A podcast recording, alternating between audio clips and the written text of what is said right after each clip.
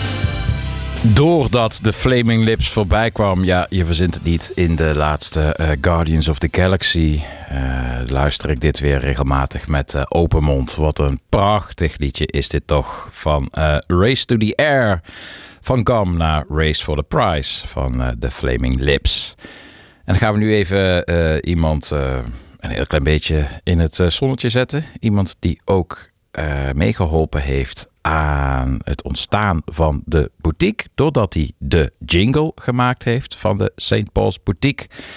Ik had zelf uh, een ideetje met een uh, break van uh, een nummer van Salt. en met uiteraard een break uit St. Paul's Boutique van de Beastie Boys. En dat er dan iemand St. Paul overheen zou roepen. Ik kan het allemaal dan wel leuk bedenken. Maar ik ben echt totaal niet handig of muzikaal. Dus maken kan ik het niet. Ben, die regelmatig ook op Popomatic en andere dansavonden uh, geluid heeft gedaan. En zelf ook als uh, Cosmic Force het land en soms het buitenland uh, doortrekt. ben, good old Ben, die heeft de uiteindelijke jingle gemaakt. Je zou met een beetje fantasie kunnen zeggen dat hij eh, de wieg van St. Paul's Boutique in elkaar eh, getimmerd heeft met zijn eh, geweldige jingle. Daarmee begon het allemaal. Mooie aanleiding om eens een liedje van zijn hand te draaien. Weliswaar in dit geval een remix. En dat is dan ook weer heel erg leuk om te vertellen. Het is een remix van een favoriet liedje van mij van, van Kim Wilde, Cambodia. En ik draaide dat wel eens vroeg op de avond. En dan ging hij, hij is een type geluidstechnicus dat als hij een favoriet liedje hoort, dan uh, springt hij zelf ook de dansvloer op. Ook al staat daar verder nog niemand. En dat was bij Cambodja altijd het uh, geval. En nou heeft hij daar dus uh, een, een, remix van gemaakt als Cosmic Force. Die heb ik hier al. Wil ik heel graag draaien. Want wat een geweldige remix is het. Klinkt echt heel erg dik. En dat is knap, want ik ben nogal fan van het origineel. Dus je kunt eigenlijk bijna alleen maar iets fout doen. Dat heeft hij niet gedaan. Ga hem zo voor je draaien, uiteraard. Maar ik wil er eerst nog even bij vertellen, uh, want dat weten toch niet veel mensen. Dat is toch wel echt vrij geweldig. Dat het een nummer is van Kim Wilde, dat geschreven is door haar vader, Marty Wilde. En die had in de jaren 50 al allerlei hitsingles als Sea of Love en Bad Boy. En hij schreef in de jaren 60 en 70 uh, heel veel liedjes voor andere artiesten. Zoals bijvoorbeeld het geweldige Jessamine van The Casuals, maar ook liedjes voor uh, Status Quo. En zo zou hij dus ook in 1981 een liedje schrijven voor zijn dochter. En daarvan ga je nu luisteren naar de Cosmic Force remix. Cambodia.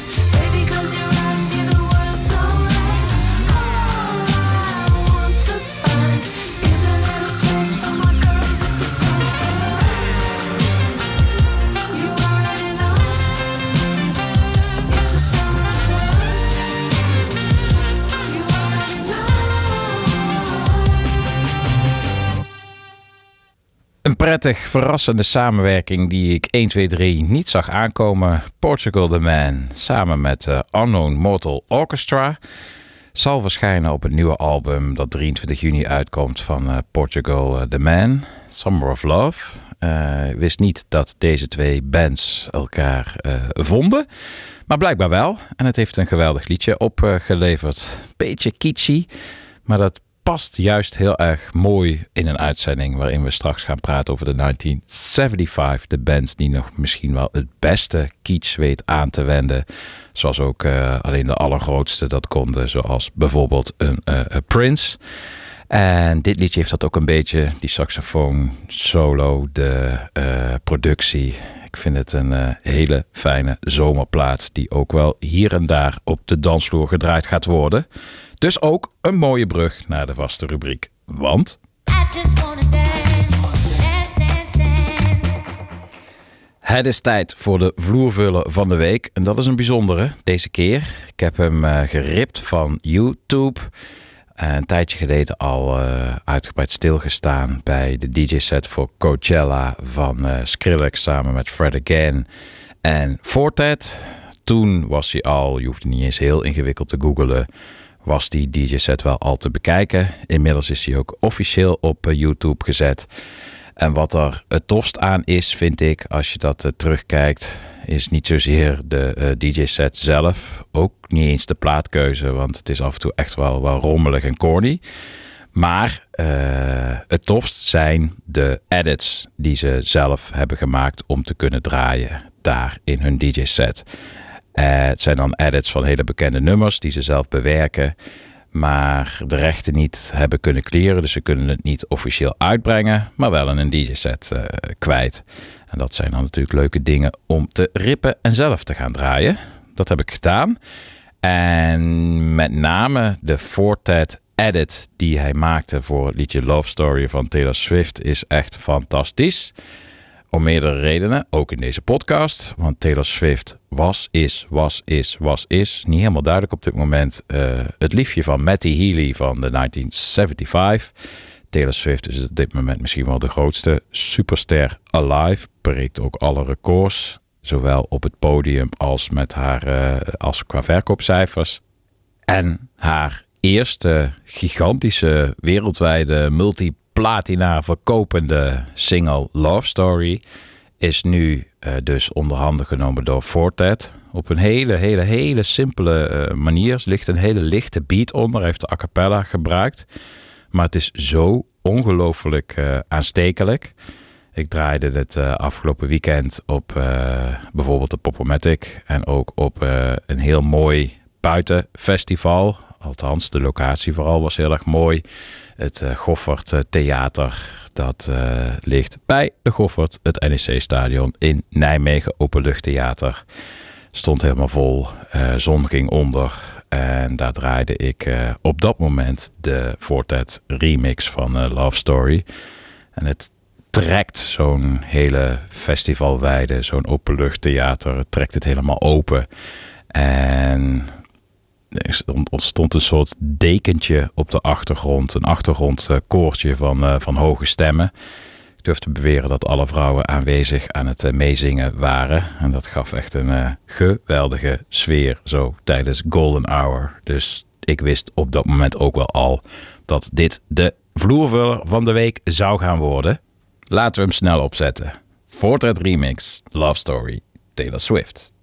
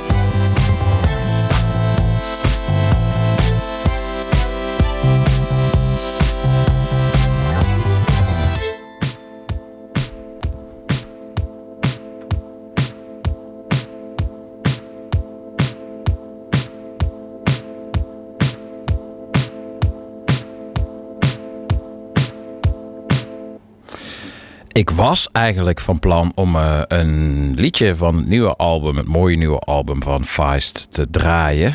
En toen ging ik eh, afgelopen weekend eh, op pad. Ik had zaterdag een dubbele boeking. Ik moest eer, eerst ergens in Amsterdam draaien op een huwelijk. Doe ik niet vaak. Maar dit was zo'n verzoek wat met een hele lange romantische brief gepaard ging. Geschreven aan mij of ik het alsjeblieft wou overwegen.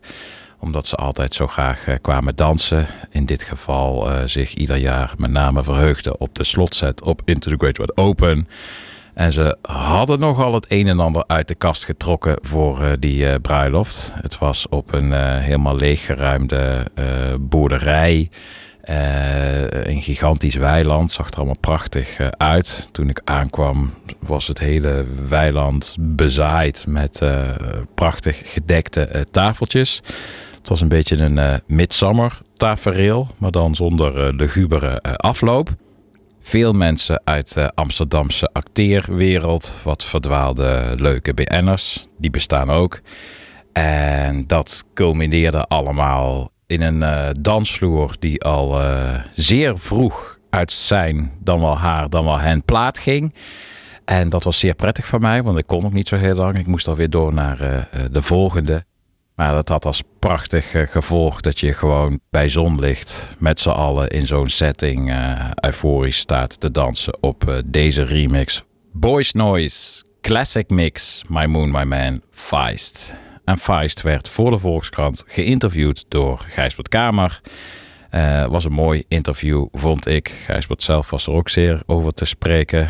Eh, blijkbaar is het een zeldzaamheid dat je met zo'n grote artiest echt een gesprek hebt. Iemand die ook eens wat terugvraagt. Dat was het. En het gesprek focuste, focuste zich ook vrij lang op eh, een gedeelde liefde van hen beiden. Vond ik leuk om te lezen, namelijk Molly Drake. Ook weer een liefde van mij. Molly Drake was eh, de moeder van eh, Nick Drake. En Nick Drake heeft misschien wel een paar van de mooiste liedjes aller tijden geschreven.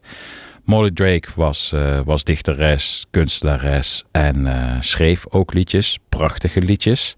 Ze schreef ook liedjes die door haar zoon Nick Drake gecoverd zouden worden. Ze schreef zelf ook weer een antwoord op een liedje van Nick Drake. Dat wist ik niet, maar dat las ik in een, in een, in een stuk over haar, wat ik op onze site zal eh, plaatsen. Namelijk het liedje Poor Boy van Nick Drake. Zij vond het een prachtig liedje, maar had ook het gevoel dat ze als eh, ouders in dat eh, liedje toch een beetje karig weggezet werden. Dus zij schreef een, een antwoord op het liedje Poor Boy. En ze noemde dat liedje Poor Mom. Een perspectief op hetzelfde thema, maar dan vanuit eh, de ouders. Hoe geweldig eh, is dat? Ik kan me niet heel veel voorbeelden in de popgeschiedenis heugen. eh, dat je eenzelfde perspectief op eenzelfde thema hebt van zowel zoon als, als moeder. Poor boy, poor mom, prachtig. Later pas zou de muziek van Molly Drake waardig uitgebracht worden. En het is, ja, het ene liedje is nog mooier dan het ander. Als je meer wil horen, dan verwijs ik je graag naar eh The Tides Magnificence, Songs and Poems of Molly Drake. Daar is het allemaal vrij fraai verzameld. En voor hier nu wil ik je achterlaten met het liedje Little Weaver Bird, Molly Drake.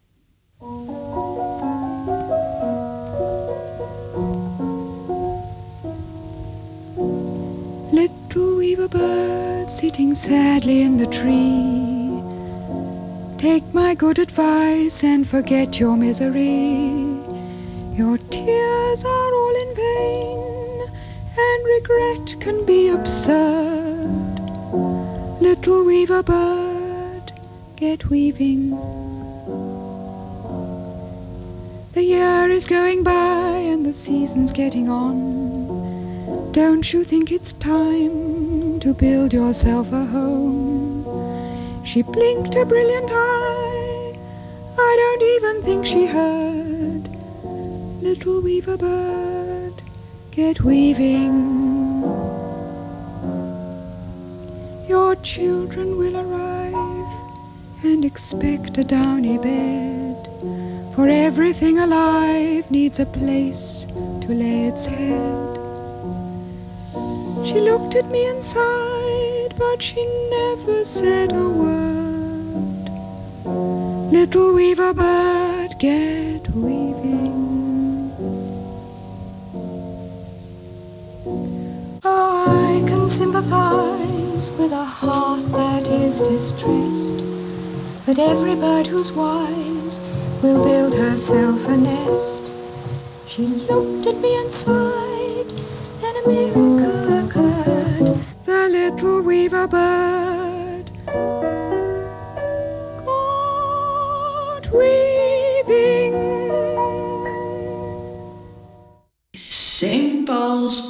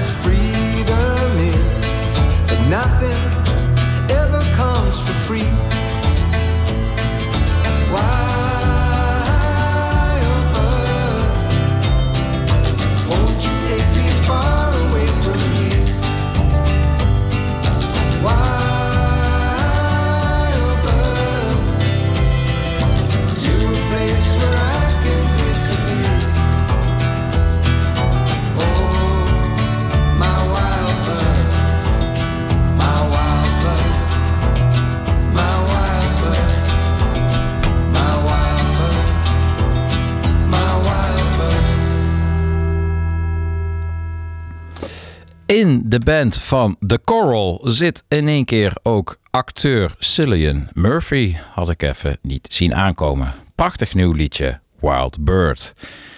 En ja, dan moesten we nu maar even stilstaan bij eh, het overlijden van het icoon dat overleed, Tina Turner. Eh, ze wordt overal de Queen of Rock and Roll genoemd. Ik vind haar eigenlijk de Queen van Rhythm and Blues. En daar zit gelijk voor mij ook eh, een beetje een frustratie. Het viel me op dat in ieder geval bij alle grote kanalen, alle grote talkshows, radioshows, media, eh, de hele tijd dezelfde dingen aangehaald werden van haar. En vooral ook eh, dezelfde muziek. Ja, ze heeft heel veel eh, gigantische ethisch hits gescoord. Ja, ze was extravert. Ja, ze had een geweldige pruik. Ja, ze heeft eh, Mick Jagger leren dansen. Maar op een gegeven moment, zeker in de jaren tachtig, waren de liedjes die haar aangereikt werden ook wel een beetje slik. En niet altijd eh, even goed. En dat doet me dan toch ook ergens een beetje pijn dat je de hele tijd die liedjes dan ook ziet en hoort. Eh, en als je dan een ouder liedje hoort, dan is het eh, Proud Mary. Wat natuurlijk een eh, geweldige vertolking is, maar ook wel een beetje een vermoeiend bruiloftscliché geworden met de jaren. Kan zij niks aan doen. Dat zou allemaal niet zo erg zijn. Dat mag allemaal gezegd worden. Dat moet allemaal gezegd worden. Maar niet zonder te vermelden dat zij de ware revolutie ontketende in de eh, jaren 60. Haar vocale prestaties op eh, die nummers die ze toen uitbracht samen met, eh, met Ike Turner, die zijn echt ongekend. Ze zong echt letterlijk alle lichamen uit de hemel. Het is niet normaal. Wat een dijk van een stem. Het was frustraties van zich af, schreeuwend liedjes inzingen. En reden tot frustratie eh, had ze eh, zat. Ze werkte voor die vroege liedjes eh, samen. Dus met haar man, Ike Turner, die haar op vele manieren misbruikte. Eh, ook nog eens eh, geproduceerd door eh, Phil Spector. Ook niet de meest fraaie persoon uit de muziekgeschiedenis. En misschien projecteer ik het, maar ik heb het idee dat je heel erg kunt eh, horen dat haar enige wapen haar, eh, haar stem is. En die gebruikt ze dan ook eh, ten volle. Eh, grootste hit is natuurlijk River Deep Mountain High. Mijn god, wat een nummer is dat ook. En hoe geweldig gezongen eh, door haar. Maar zoveel meer geweldige liedjes eh, in die tijd door haar ingezongen. Nieuws, goed nieuws voor ons liefhebbers is het dat de documentaire Tina vanaf juni, dat is in mijn geval nu staande hier in de studio morgen. Eh, dus waarschijnlijk als je dit luistert, is die al gewoon eh, op Netflix te zien vanaf juni. Documentaire Tina, een hele recht door zee documentaire. Maar het, ver- het vertelt wel het verhaal van eh, vooral de powervrouw die ze altijd geweest is. Dus moet je zeker ook kijken. Maar voor nu wil ik graag even alle aandacht naar een van de meest krachtige, beste, sterke, meest overtuigende, mooie stemmen uit eh, de jaren 60. Met, en dat is het belangrijkste, in, in tegenstelling tot de jaren 80, ook eh, liedjes die haar eh, stem en haar zangkusten recht deden. I'll never need more than this, Ike en Tina Turner.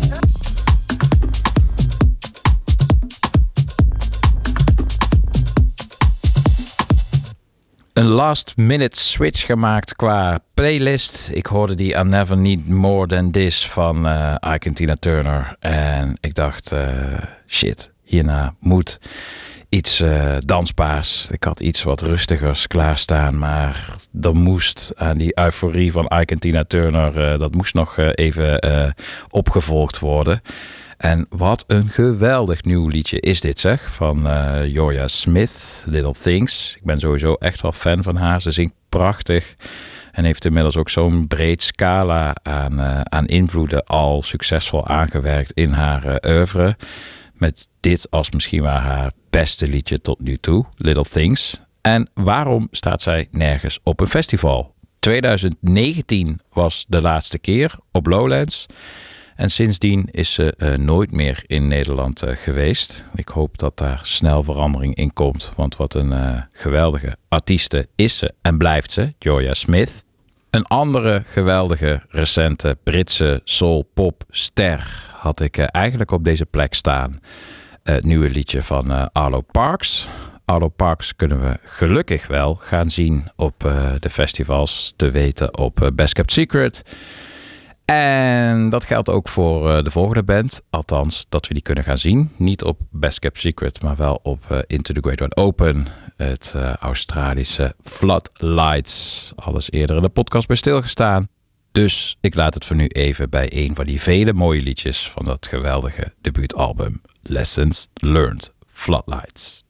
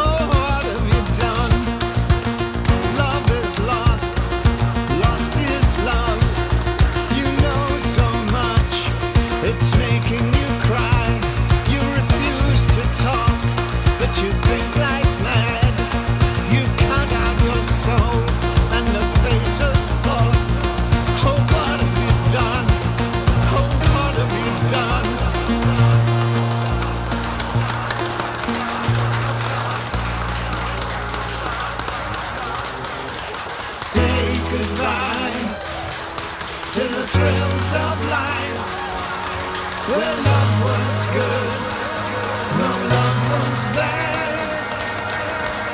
Wave goodbye to the light.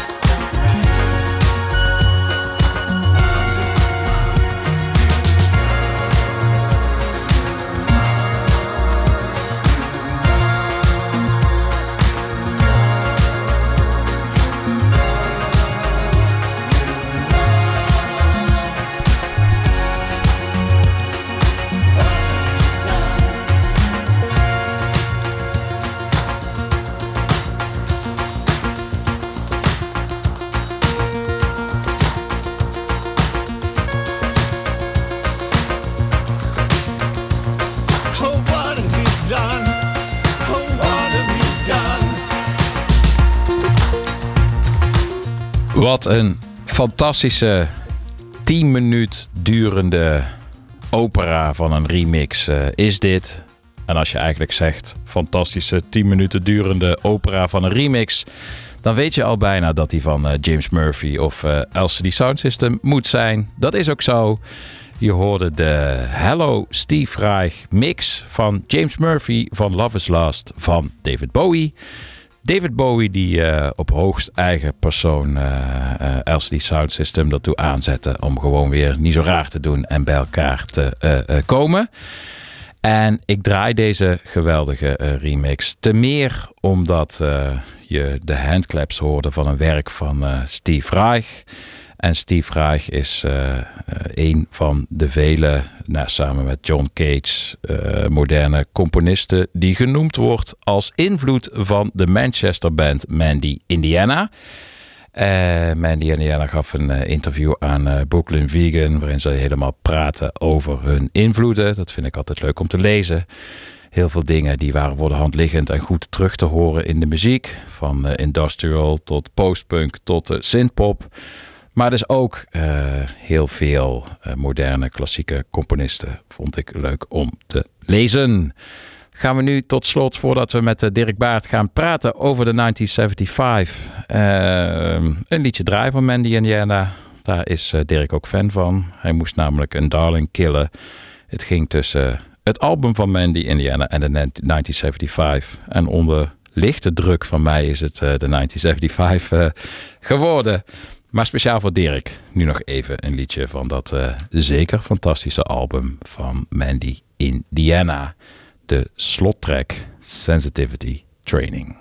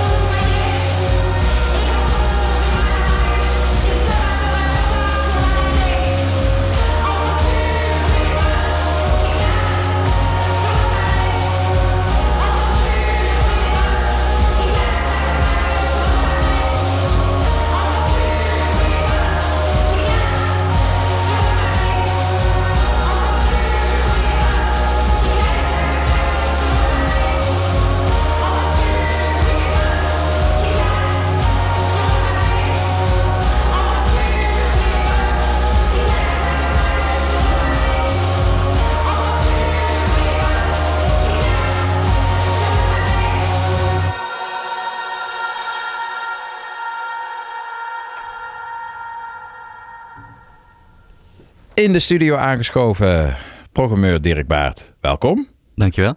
In vele hoedanigheden eh, actief, vooral als eh, programmeur van eh, Echo, ook mede vormgever van Into the Open en Freaky Dancing. Geweldig nieuw initiatief hier in, in Utrecht. En daar had je op de laatste editie de band die we net hoorden, Mandy Indiana, staan. Ja. Je bent er fan van.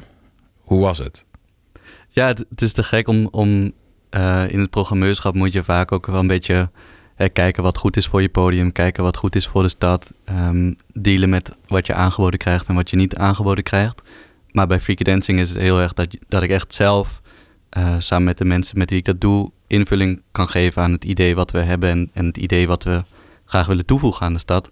En dan was voor mij Mandy Indiana wel vanaf het begin een van de bands waar Freaky Dancing omdraaide, zeg maar. Of echt een band die, die Freaky Dancing op zijn lijf geschreven had. Eh, dus het is dan heel bijzonder voor mij persoonlijk om, om die band dan ook daadwerkelijk te mogen ontvangen. En waarom is die band? Zou je dat kunnen omschrijven? Waar zit hem dat in? Wat zijn de elementen in de muziek die het zo freaky dancing maken voor jou? Ja, ik denk, het is inmiddels is ons mu- muzikale kader wel wat breder geworden. Maar het is heel erg begonnen met zo die samenkomst tussen postpunk enerzijds en meer elektronische, industrial, techno-achtige geluiden aan de andere kant. En, en daar zijn zij gewoon wat mij betreft een van de spannendste acts op dit moment. Samen met, een- met een PVA die we de eerste editie hadden. Ja, Eh, dus het is voor ons ook heel fijn. En ja, ook omdat we wel geïnspireerd zijn door, door wat er in Manchester allemaal gebeurd is in het verleden en, en met de Hacienda, voelt dat ook nog wel als een soort extra laag dat ze dan ook daar vandaan komen. En dat ze volgens mij ook heel goed begrijpen van wat wij proberen te doen. Hoewel we dat helemaal niet op een soort van nostalgische manier proberen te doen, maar juist op een heel vooruitstrevende manier. Ik denk dat, dat, dat we zeker met bands uit Engeland die we tot nu toe hebben gehad, heel erg ook een soort van waardering vanuit hun merken van wat, wat voor plek we proberen te creëren. Dus dat is heel bijzonder. Ja, te gek. Ja, het was een darling die je moest killen. Want we gaan het misschien wel over... Er is bijna geen groter contrast denkbaar. Ook met, eh, Manchester, ook Manchester. Ja, dat wel. Dat wel. Maar we gaan nu volledig de popkant op. Eh, soms zelfs kitsch. Maar mijn god, wat goed. Eh, we gaan naar het laatste album van eh, de 1975. Eh, Being Funny in a Foreign Language. Valt heel veel over te zeggen. Ten meer omdat de voorman ook nogal in het nieuws is. wederom. We gaan het waarschijnlijk allemaal over hebben. Maar aan jou, Dirk Baart, de gebruikelijke openingsvraag. Do you remember the first time? Ja, ik wist natuurlijk dat die kwam. en het is, het is een redelijk nieuwe plaat. Ik vind dat is voor mij altijd wel makkelijk. Ik hou heel erg van, van nieuwe muziek. Daar ligt voor mij echt een nadruk op. Ja. Eh, dus het is nog niet zo lang geleden. Dus het was eh 14 oktober 2022 dat die uitkwam. Dus ik neem aan dat ik hem op die dag zelf al wel geluisterd heb. En weet je ook nog een beetje wat de indruk was? Ja, ik denk dat het hun. eh, het is in, een bepaalde zin hun meest strakke plaat of zo. Het is denk ik hun meest echte pop-pop-plaat. En het is ook hun kortste plaat tot nu toe. Dus het is eh, drie kwartier of zo. Ehm, tot nu toe hebben ze ook wel eens platen gehad waarbij ze dan eh, eigenlijk zo eh, ja, experimenteel of zo veel kanten op gingen qua genres. Dat het echt te veel werd. En dat je op een gegeven moment een plaat van 18 nummers had. Dat is dit niet. Dus dit voelde wel meteen echt als een, eh, als een plaat waarbij je gewoon totaal geen, geen, eh, geen fillers hebt. Zeg maar. Dit is gewoon eigenlijk hit na hit voor mijn gevoel. Ja. Eh, ik, heb, ja, ik heb gewoon niet heel veel platen gehoord de afgelopen jaren van toch een, een band die in de basis een, een rockband, een gitaarband is. Zij het nu heel erg aan, een- aan een popkant. Die zo, waar eigenlijk voor mijn gevoel zoveel hits op staan. Ja. En wat dan gelijk ook opmerkelijk is, want ze hebben juist altijd veel gebruik gemaakt, ook van elektronica. En juist op deze plaat hebben ze voor het eerst ervoor gekozen om alles organisch met instrumenten in te spelen. En dit is dan meteen ook de meest geslaagde, meest gefocuste eh, plaat tot nu toe. En in een landschap waarin het best wel moeilijk is om op die wijze nog een groot publiek te, te vinden. Dus dat, dat vind ik er zelf zo ontzettend eh, knap aan. Was je iemand die ook al van de 1975 van begin af aan eh, gecharmeerd was? Ja, ik denk niet vanaf begin af aan, want de- deze band heeft, heeft in verschillende vormen echt al heel lang bestaan. Dus ze heette eerst Drive Like I Do en toen was het echt, echt nog meer een emo-achtige band. Volgens mij bestaan ze echt al meer dan 20 jaar eigenlijk. Maar wel vanaf de eerste plaat, ik denk dat dat 2013 was, schok ik even. En dat was voor mij ook wel zo'n beetje het jaar waarin ik wat meer echt bewust naar, nou ja, quote-unquote alternatieve muziek ging luisteren, zeg maar.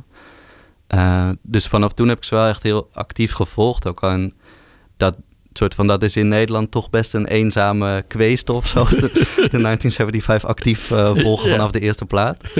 Eh, maar ja, het is wel heel, heel interessant geweest om die ontwikkeling heel erg te zien. En toen, die eerste plaat is echt nog wel ook een beetje een emo-achtige rockplaat. Wel hè, met al een bepaalde gladdere popproductie hieroverheen. Ja. Ehm, maar ja, het is wel een heel andere koek dan wat, wat deze plaat is. Ja, zeker. Nou, je zegt het gelijk al iets wat ik zelf ook wel aanstippen, wat ik heel interessant vind, dat het in Nederland niet altijd even goed geland is. Ook niet bij mij. Ik had ook altijd wel een, toch altijd wel ergens een gefronste wenkbrauw als ik er naar luisterde, maar kon het ook weer niet afzetten. Het was altijd heel aanstekelijk, maar soms vond ik het ook eh, too much, beetje pretentieus, eh, soms iets wat schreeuwerig. eh, maar eigenlijk beide kanten op. Elke keer als ik dacht van het is, me, het is too much, dan vond ik het toch ook weer te aanstekelijk. En elke keer als ik dacht van dit is het, dan ging er toch weer een wenkbrauw fronsen. Maar bij dit album eh, komt alles wat hem goed maakt, komt helemaal samen. Misschien heeft het wel te maken met, met die focus die jij eh, al benoemde. En dat het inderdaad compacter is. Eh 44 minuten dat ze hun ideeën hebben weten te filteren tot gewoon een hele goede compacte plaat. Ik ben niet de enige, want ik vind het leuk om even een, een klein eh anekdotetje te vertellen. Dat ik een quiz hostte op een festival in de zon in Nijmegen. En een van de dingen, daar gaan we het zo meteen waarschijnlijk ook nog over hebben. Eh, je- zag een aantal eh, eh, hoofden uit de actuele popcultuur. En die moest je dan koppelen aan liedjes. Zo zag je het hoofd van Taylor Swift. en dat moest je dan koppelen aan een liedje van de 1975. En ik draaide I'm in love with you. En ik zag het, dat kun je gewoon zien. Ik, krijg- ik vind dat ook zo mooi. Dat, dat is ook het leuke. En quiz is ook weer een manier om net programmeren. Wat jij doet is een manier om goede, manier, goede muziek de wereld in te krijgen. DJ is dat een podcast maken. En een quiz eigenlijk ook. En ik zag gewoon dat hele deelnemersveld. Ik zag iedereen al een beetje zo. Oh, lekker nummer, leuk nummer. Sommigen herkenden het wel. Maar eigenlijk best wel veel wisten toch nog niet wat het was. Na afloop stond er gewoon een rijtje van mensen bij me die kwam vragen. Ja, wat was dat ene nummer Ja. dat hoorde bij Taylor Swift. Ja, en dat vind ik het goede aan dit. Dat het, deze plaat staat ook vol met, eh, met instant pop evergreens. Ja. Is dat ook wat jou erin in aanspreekt? Het klassieke popgevoel wat het heeft? Ja, en ook wel denk ik de, de balans van... Er staan een aantal van die nummers op. Er staan een aantal echt wat meer ingetogen balladachtige nummers op... die, die bijna een beetje ja, Bon Iver-achtig zijn, de laatste platen van Bon Iver... maar ook heel erg jaren tachtig. En er staan een aantal... Die hebben zij vaak elke plaat ook wel een soort heel grootse... Echt epische nummers op. En dat, dat, ik vind gewoon die durf om dat te doen ook heel interessant. Het zijn gewoon heel weinig eh, bands die, dat, die die ambitie en, en soms slaat het denk ik inderdaad door naar een soort van pretentie of over de top. Maar die ambitie om dat überhaupt te durven proberen, die dat nog doen. Je hebt toch heel veel soort van, sorry dat ik besta, postpunk en shoegaze band, zeg maar. En op deze schaal zijn er nu volgens mij gewoon heel weinig gitaarbands die iets interessants uitbrengen.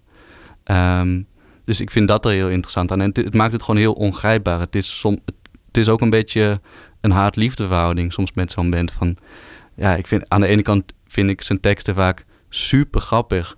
Maar kan ik me ook heel goed voorstellen dat mensen denken... waar heb je het over en stel je niet aan. En, en, en ik lees die teksten met een soort van zelfspot erin of zo. En daarom vind ik ze grappig. Ja. Maar tegelijkertijd is de plaat ook heel eh, serieus en oprecht, vind ik. En, en zijn bijvoorbeeld als hij het heeft over ehm, hè, mensen die nu jong zijn. In het eerste liedje gaat het over I'm sorry if you're living and you're 17. En dat zijn natuurlijk ook voor een groot deel zijn fans die, die hij ziet.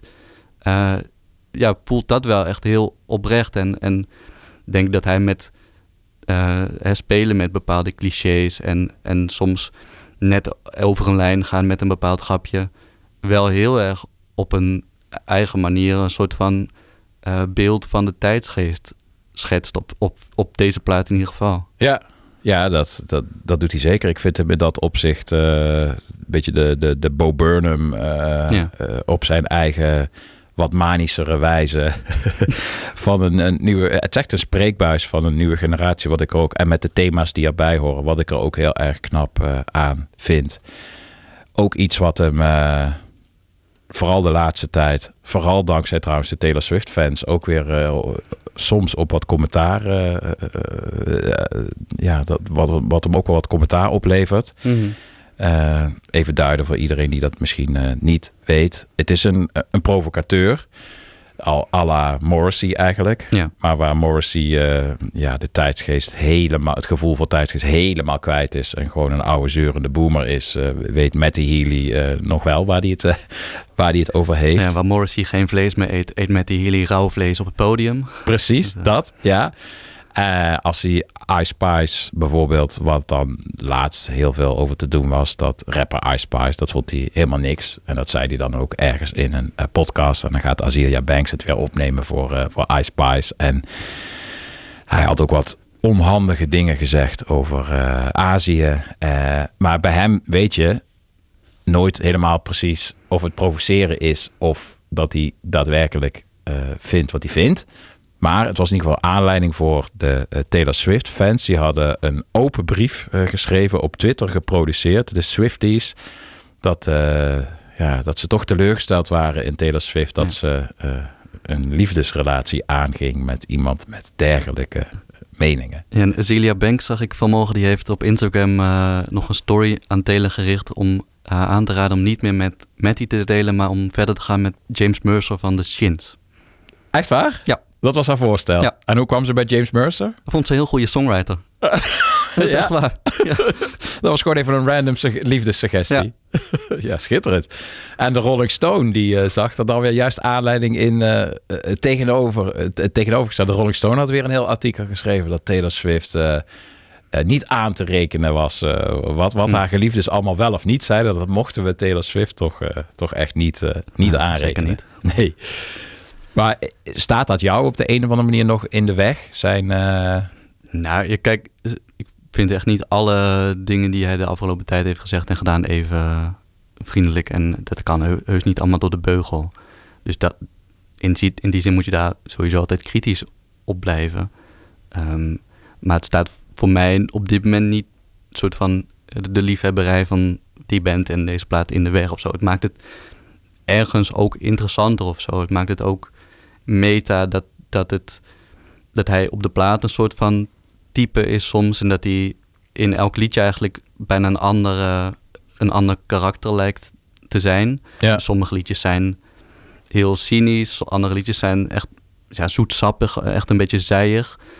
En dat hij ja, toch in het, eh, in het echt en op het podium ook ja, daar een beetje tussen schippert en worstelt met dat personage en met hoe beroemd hij geworden is. Eh, dus eh, het, het, het past in die zin ook wel bij de plaat die het is en de band die het is en de, de, ja, de acteur, de zanger die hij, die hij ook is. Ja, hij, hij zei er iets heel moois over, vond ik in een interview. Wa- Want ik vind het goed dat je altijd wel kritisch blijft kijken. Dus ik denk dan ook even van, ho, wat zegt hij nou en hoe bedoelt hij dit? Zag ik een interview met hem, dat vond ik echt wel indrukwekkend. Hij weet dingen wel echt goed te, te verwoorden vaak. Mhm. Ook gewoon in, in één op één eh, eh, interviews. Ehm, en daar zei hij eh, dat hij inmiddels al lange tijd, iedereen heeft wel ergens een platform op een social media medium. Dus een achter, achterban waarvoor hij of zij of hen het hoofdpersonage is. En dan gaat iedereen ook heel erg in zichzelf geloven. En wilt ook heel graag de good guy zijn. Want een hoofdpersonage is over het algemeen eh, een, eh, een good guy.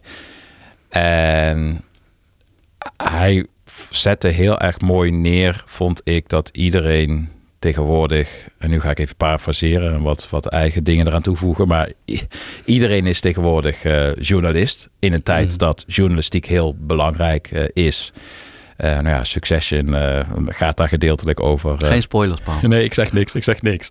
Maar Fox, complottheorie, eh, vloggers, iedereen is journalist. om maar eens wat te noemen. Iedereen is ook DJ. Iedereen is politicus in, het, in de tijd dat politiek heel belangrijk is. En iedereen is ook, en daar komt hij, dat was zijn punt, activist in een tijd dat activisme heel belangrijk is.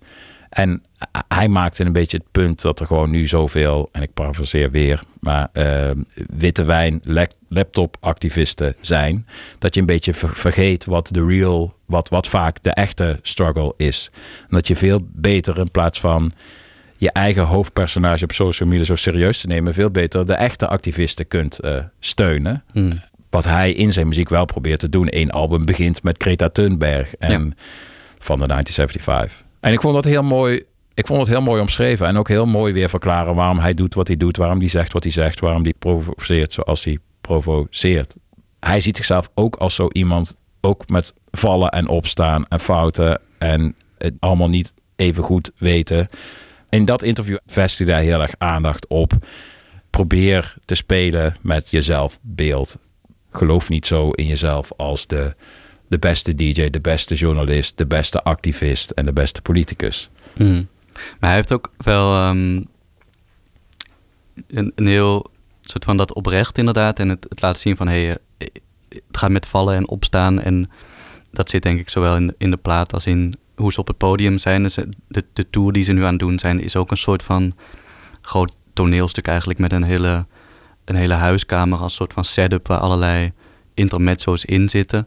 Maar het, het is een soort van grens tussen aan de ene kant heel laten zien van oké, het is een soort van spel en een theaterstuk, maar het is aan de andere kant wel heel oprecht. Want hij heeft ook wel gezegd, ja, ik vind het niet erg als mensen mij vervelend vinden of irritant of vinden dat ik stomme dingen zeg, maar je kunt in ieder geval niet van mij zeggen dat ik niet oprecht ben geweest daarin. Precies, ja. Eh, dus ik, ik vind dat een heel interessante kijk erop of zo. En tegelijkertijd onderschat hij ook wat, hoe groot zijn ster geworden is, zeg maar. En, die ster, en de ster van de band. En hoe groot hij nu ook nog wordt, omdat hij een relatie heeft met Taylor Swift. Ja. Ik las vanmorgen een interview met hem in NME, waarin hij zei, ja, eh, dat gebeurt gewoon helemaal niet dat, dat iemand s'avonds achter zijn computer zit te huilen omdat er iets is met mij en Taylor Swift. Maar de grap is natuurlijk, dat gebeurt wel. Ja. Er zijn heel veel Taylor Swift fans die het zo serieus nemen dat die zich s'avonds achter hun computer hier heel druk om zitten te maken. dus dat onderschat hij dan ook wel weer. ja, maar dat is misschien ook wel weer gezond dat hij dat onderschat. Want ja, daar kun je toch ook onmogelijk... Als je dat doorkrijgt, dan word je denk ik gek. Ja, precies. Ja, Ja. Dat, dat is gewoon gekmakend, ja. Even terug naar de muziek. Het is te meer dit album eh, klassiek poppy, denk ik. En eh, enigszins beheerst voor hun doen, voor zijn doen. Ook door eh, de samenwerking met Jack Antonoff. Ja. Het is mij niet zo heel duidelijk eigenlijk of hij nou aan het hele album meewerkt, een beetje op de achtergrond. Of heeft hij bepa- vooral bepaalde liedjes meegeschreven? Weet jij hoe die... Volgens mij heeft hij het wel echt ge- geproduceerd. Maar ik, ik moet zeggen dat ik niet zo eh, diep vaak in de producerkant van, eh, van de zaken zit. En daarvoor moet ik dan mijn excuses aanbieden aan eh, Ja, de- mijn goede vriend en producer Jasper Bogaert. die daar altijd zeer veel waarde aan hecht. ja. Is maar het zal ongetwijfeld een rol hebben gespeeld op die plaat. Maar ik vind het ook interessant dat Jack Antonoff ook zo'n figuur geworden is in, in de popmuziek afgelopen jaren. Waar mensen ook eh, zich zeer druk over maken en een heel uitgesproken mening over hebben vaak. Maar ja. ik weet niet goed wat ik van Jack Antonoff moet vinden. Ik, ik vind van de persoon niet zo heel veel. Het is toch echt al ongelooflijk op hoeveel ertoe doende artiesten, Mhm. en dan met name eh, vrouwen, hij een invloed heeft, vind ik dan, die niet, zonder dat je het gevoel hebt dat er even een man de studio binnenkomt lopen en gaat vertellen hoe het moet en zichzelf op de voorgrond eh, drukt. Maar eh, toch wel met, de, met, een- met een juiste, ook juiste tone of voice en de juiste bescheidenheid. En, op precies op de goede achtergrond wel een aantal van de meest mooie muziek van de laatste jaren mede heeft vormgegeven. Popmuziek dan, van Lana Del Rey tot eh, Lord, tot eh, Taylor Swift, tot nu eh, dus ook de 1975. Het is toch wel een van de bijzonderste Ja, dus op een gegeven moment geen toeval meer dat dat. Nee, dat lijkt me ook niet, nee. Als we dan die liedjes er zo even bij halen van, van dit album. Ik wil er een aantal benoemen. About You, die is ook echt gigantisch veel eh, gestreamd trouwens. Hmm. Ja, volgens mij is dat wel ook een van de publieksfavorieten geworden tijdens de tour. Ja. Er zit ook een stuk in op een gegeven moment eh, waarin een vrouwelijke vocalist dan de, de zang overneemt. En dat wordt live dan gedaan door de vrouw van de gitarist van de band. Ja. dat is voor fans voor, volgens mij bij de live shows ook altijd een soort van giga-moment van hysterie. Eh, en dat, dat is een voorbeeld van een van die, die echt grote, epische nummers die ze eigenlijk op elke plaat dan wel hebben staan. Ja, maar ook hoe het, de arrangementen van dat liedje, ik vind het zo prachtig. Dat was ook het eerste liedje van het nieuwe album, waarbij ik meteen dacht, oeh, jezus, dit is echt, echt geweldig. En inderdaad, wat jij ook zegt, de ambitie dat je dit ook eh, aandurft en doet en dat het dan vervolgens ook nog eens zo'n groot succes Mm. wordt. Ja, dat, dat is fantastisch. En waar ik ook geweldig vind, die is wat uh, kitscheriger, eh, maar dat is ook zo'n zo'n nummer wat voor mijn gevoel in elk decennium vanaf de geboorte van de popmuziek uit had kunnen komen. Oh Caroline. Ja. Ja, die, die vind ik ook echt geweldig. Ehm, en dan ja, heb je nog een beetje de, de groover voor de dansvloer eh, Happiness. Maar goed, nu zie ik het allemaal te zeggen. Zijn er voor jou nummers die er, die er uitspringen waar je meer naar, naar, naar grijpt of die je vaker luistert? Ja, ik vind About You is voor mij ook wel een van de favorieten. Ik vind Wintering ook een heel leuk liedje, omdat dat, dat, daar zit voor mij heel erg ook dat spelen met tekst. En ik vind dat gewoon een heel grappig liedje en heel erg zo'n eh, zo'n verhalend liedje waarin hij verschillende personages ten tonele voert en, en daarmee een verhaal eh, ja, vertelt wat heel herkenbaar is. Het gaat over zo vlak voor kerst naar huis gaan, naar je familie. Ehm, en, en ja, eigenlijk alle, alle worstelingen die daar ook bij komen kijken. Zeg maar, op een gegeven moment heeft hij het ook over dat, dat hij geen ruzie wil maken tijdens kerst, maar dat hij gewoon voor de kalkoen gekomen is. En dat zijn. eh, ja, het gaat, het, als in hij is dan volgens mij niet zelf het personage waar het over gaat, maar op een gegeven moment gaat het ook over een meisje wat dan al vegan is sinds ze tien was. En nou, dat soort voorbeelden die soort van heel. mm, ik denk een deel van de plaat is best wel algemeen qua tekst of zo ook. Dus zo'n, er zijn ook nummers die gewoon I'm in love with you, I, I, I, I. Ja. Dat is gewoon een soort van... Ik vind het heel cool dat ze dat durven te doen. En dit is dan een nummer wat juist heel specifiek is en met hele specifieke, toch herkenbare dingen een bepaalde eh, tijdsgeest laat zien. Ja. En ik denk, ze, ze beginnen altijd elke plaat met een, een naamloos nummer of een nummer wat vernoemd is naar de band. En dat is toch altijd een soort van mission statement of een, een nummer waaraan je enigszins al kunt afleiden, oké, dit is de richting van die plaat. Dus, dus op, op een vorige plaat die denk ik echt wat meer uitgesproken activistisch was, was het een, een samenwerking met Greta Thunberg. En nu is het, eh, ja eigenlijk, je noemde net al als Steve Reich bij Mandy Indiana. Dat zit hier eigenlijk ook best wel in. Of een soort All My Friends-achtige piano eigenlijk. Ja, joh. Daarmee opent de plaat eigenlijk. En, Ja. en soort, je hoort ook meteen een soort die cello-arrangementen die je een paar keer terug hoort gedurende de plaat. En er zit ergens zelfs nog een soort van ja, Bruce Springsteen 80s ondertoon in die, die ook op, op de plaat op bepaalde momenten terugkomt. Waarvan je denkt van, ah, dit, als dit soort van net anders was uitgevoerd, of, of misschien door iemand anders was uitgevoerd, dan was het echt een soort van macho 80s rocker la Bruce Springsteen geweest. Maar omdat zij het nu doen, anno, nou, toen 2022, klinkt het zo. Ja, heel even, je hebt het al gezegd. En all my friends noemen, eh, ja, dan, dan, dan, dan moet je er ook even wat mee. Eh, dat was inderdaad, dit hele album was er. En toen zette ik het op. En toen, dan begint het met een soort inderdaad beschonken piano Ja. variant op All My Friends van eh Elsie Sousa. Een heel even klein stukje van het openingsnummer van dit album van de 1975.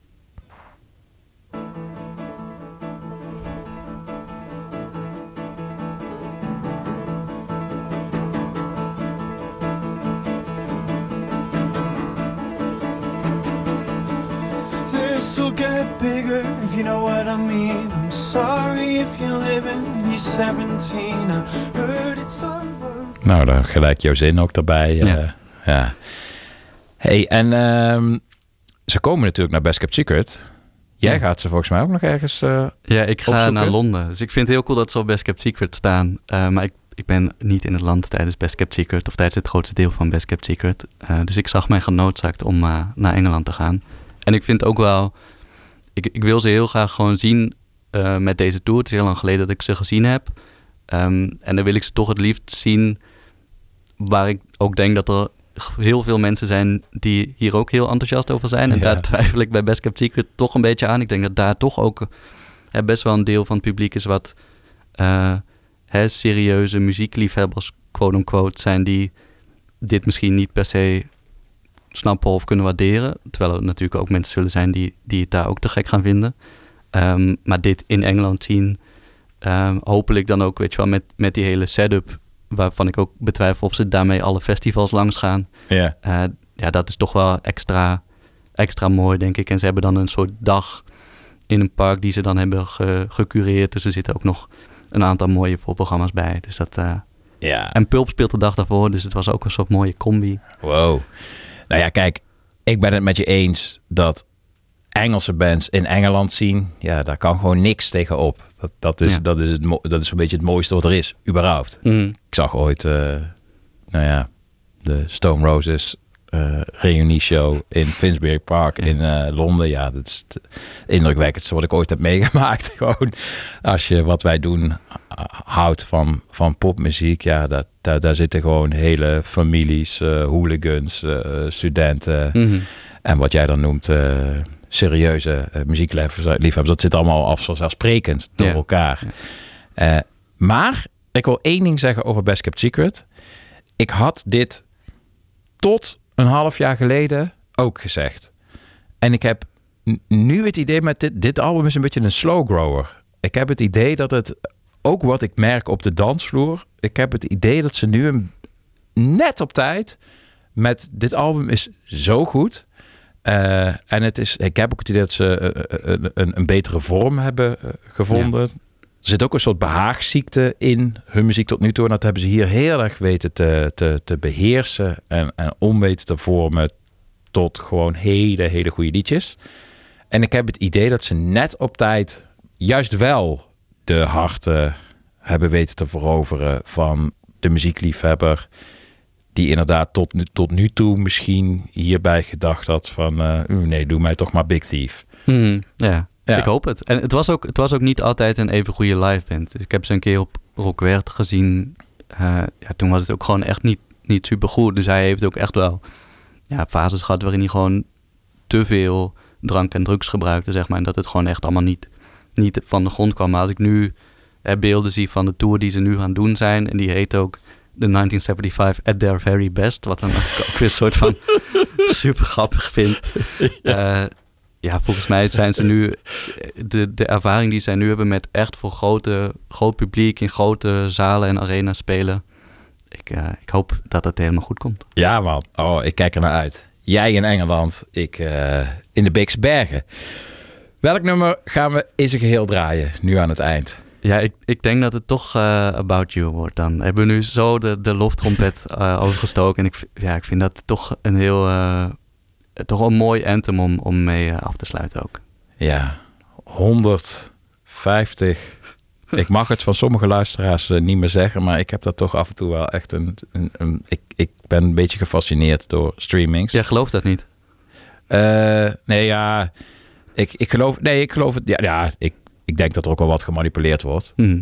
Maar als iets zo vaak. Ik bedoel, dit staat nu op 150 miljoen. Dan. Ja, dat is ben- ja, dat, dat vind ik bizar. En natuurlijk kijk ik er ook wel wat cynisch naar. En, en, en zijn er vast, eh, wat was het, in Vinkenveen. eh, nou, in dit geval dan niet Vinkenveen, maar zitten er vast ergens mensen in een vrije tijd eh, te klikken op play, zodat het nog meer streams worden. Maar ik vind het, laat ik het dan zo zeggen, verhoudingsgewijs alleen al vind ik het dan zo interessant dat een liedje als dit eh, twee keer zoveel gestreamd is als het, eh, het eerstvolgende eh, Hmm. succesvolle liedje. En dat het dan zo'n intiem, mooi, rijk gearrangeerd, juist helemaal niet ambitieus. Ja, het is wel ambitieus in de schoonheid, maar het is niet pretentieus, laat ik het zo zeggen. Ja. Het is gewoon een heel mooi liedje. Ja, en dat dat dan zo fucking veel gestreamd is, vind ik fantastisch. Dus ik ben blij met deze keuze, Dirk. Goed zo. En bedankt voor je, voor je komst. Wat is de, wat, wat, wat, wat, waarbij je, is er iets in Echo of daarbuiten Eh, waar je ik mee heb bezig bent? gisteren waar iets je- leuks bevestigd, maar dat mag ik nog niet zeggen. Hè? Ik vind de Befs in eh, juli spelen die bij ons. Ah, ja. Dat was ook wel een van mijn favoriete platen van vorig jaar, denk ik. Ja. Eh, dus ik vind dat ook echt een heel, heel toffe boeking. Ja, tof. De Beth Echo. Welke, welke datum? 14 juli uit mijn hoofd. Tof. Ik zal het ook op eh, de site plaatsen. Dankjewel Dank je. voor je komst. En eh, lieve luisteraar, geniet nu ten volle van het prachtige liedje. Stond ook op mijn top 10 van liedjes van het afgelopen jaar. About You van de 1975. En wie weet zien we elkaar bij eh, Best Kept Secret. Bedankt voor het luisteren.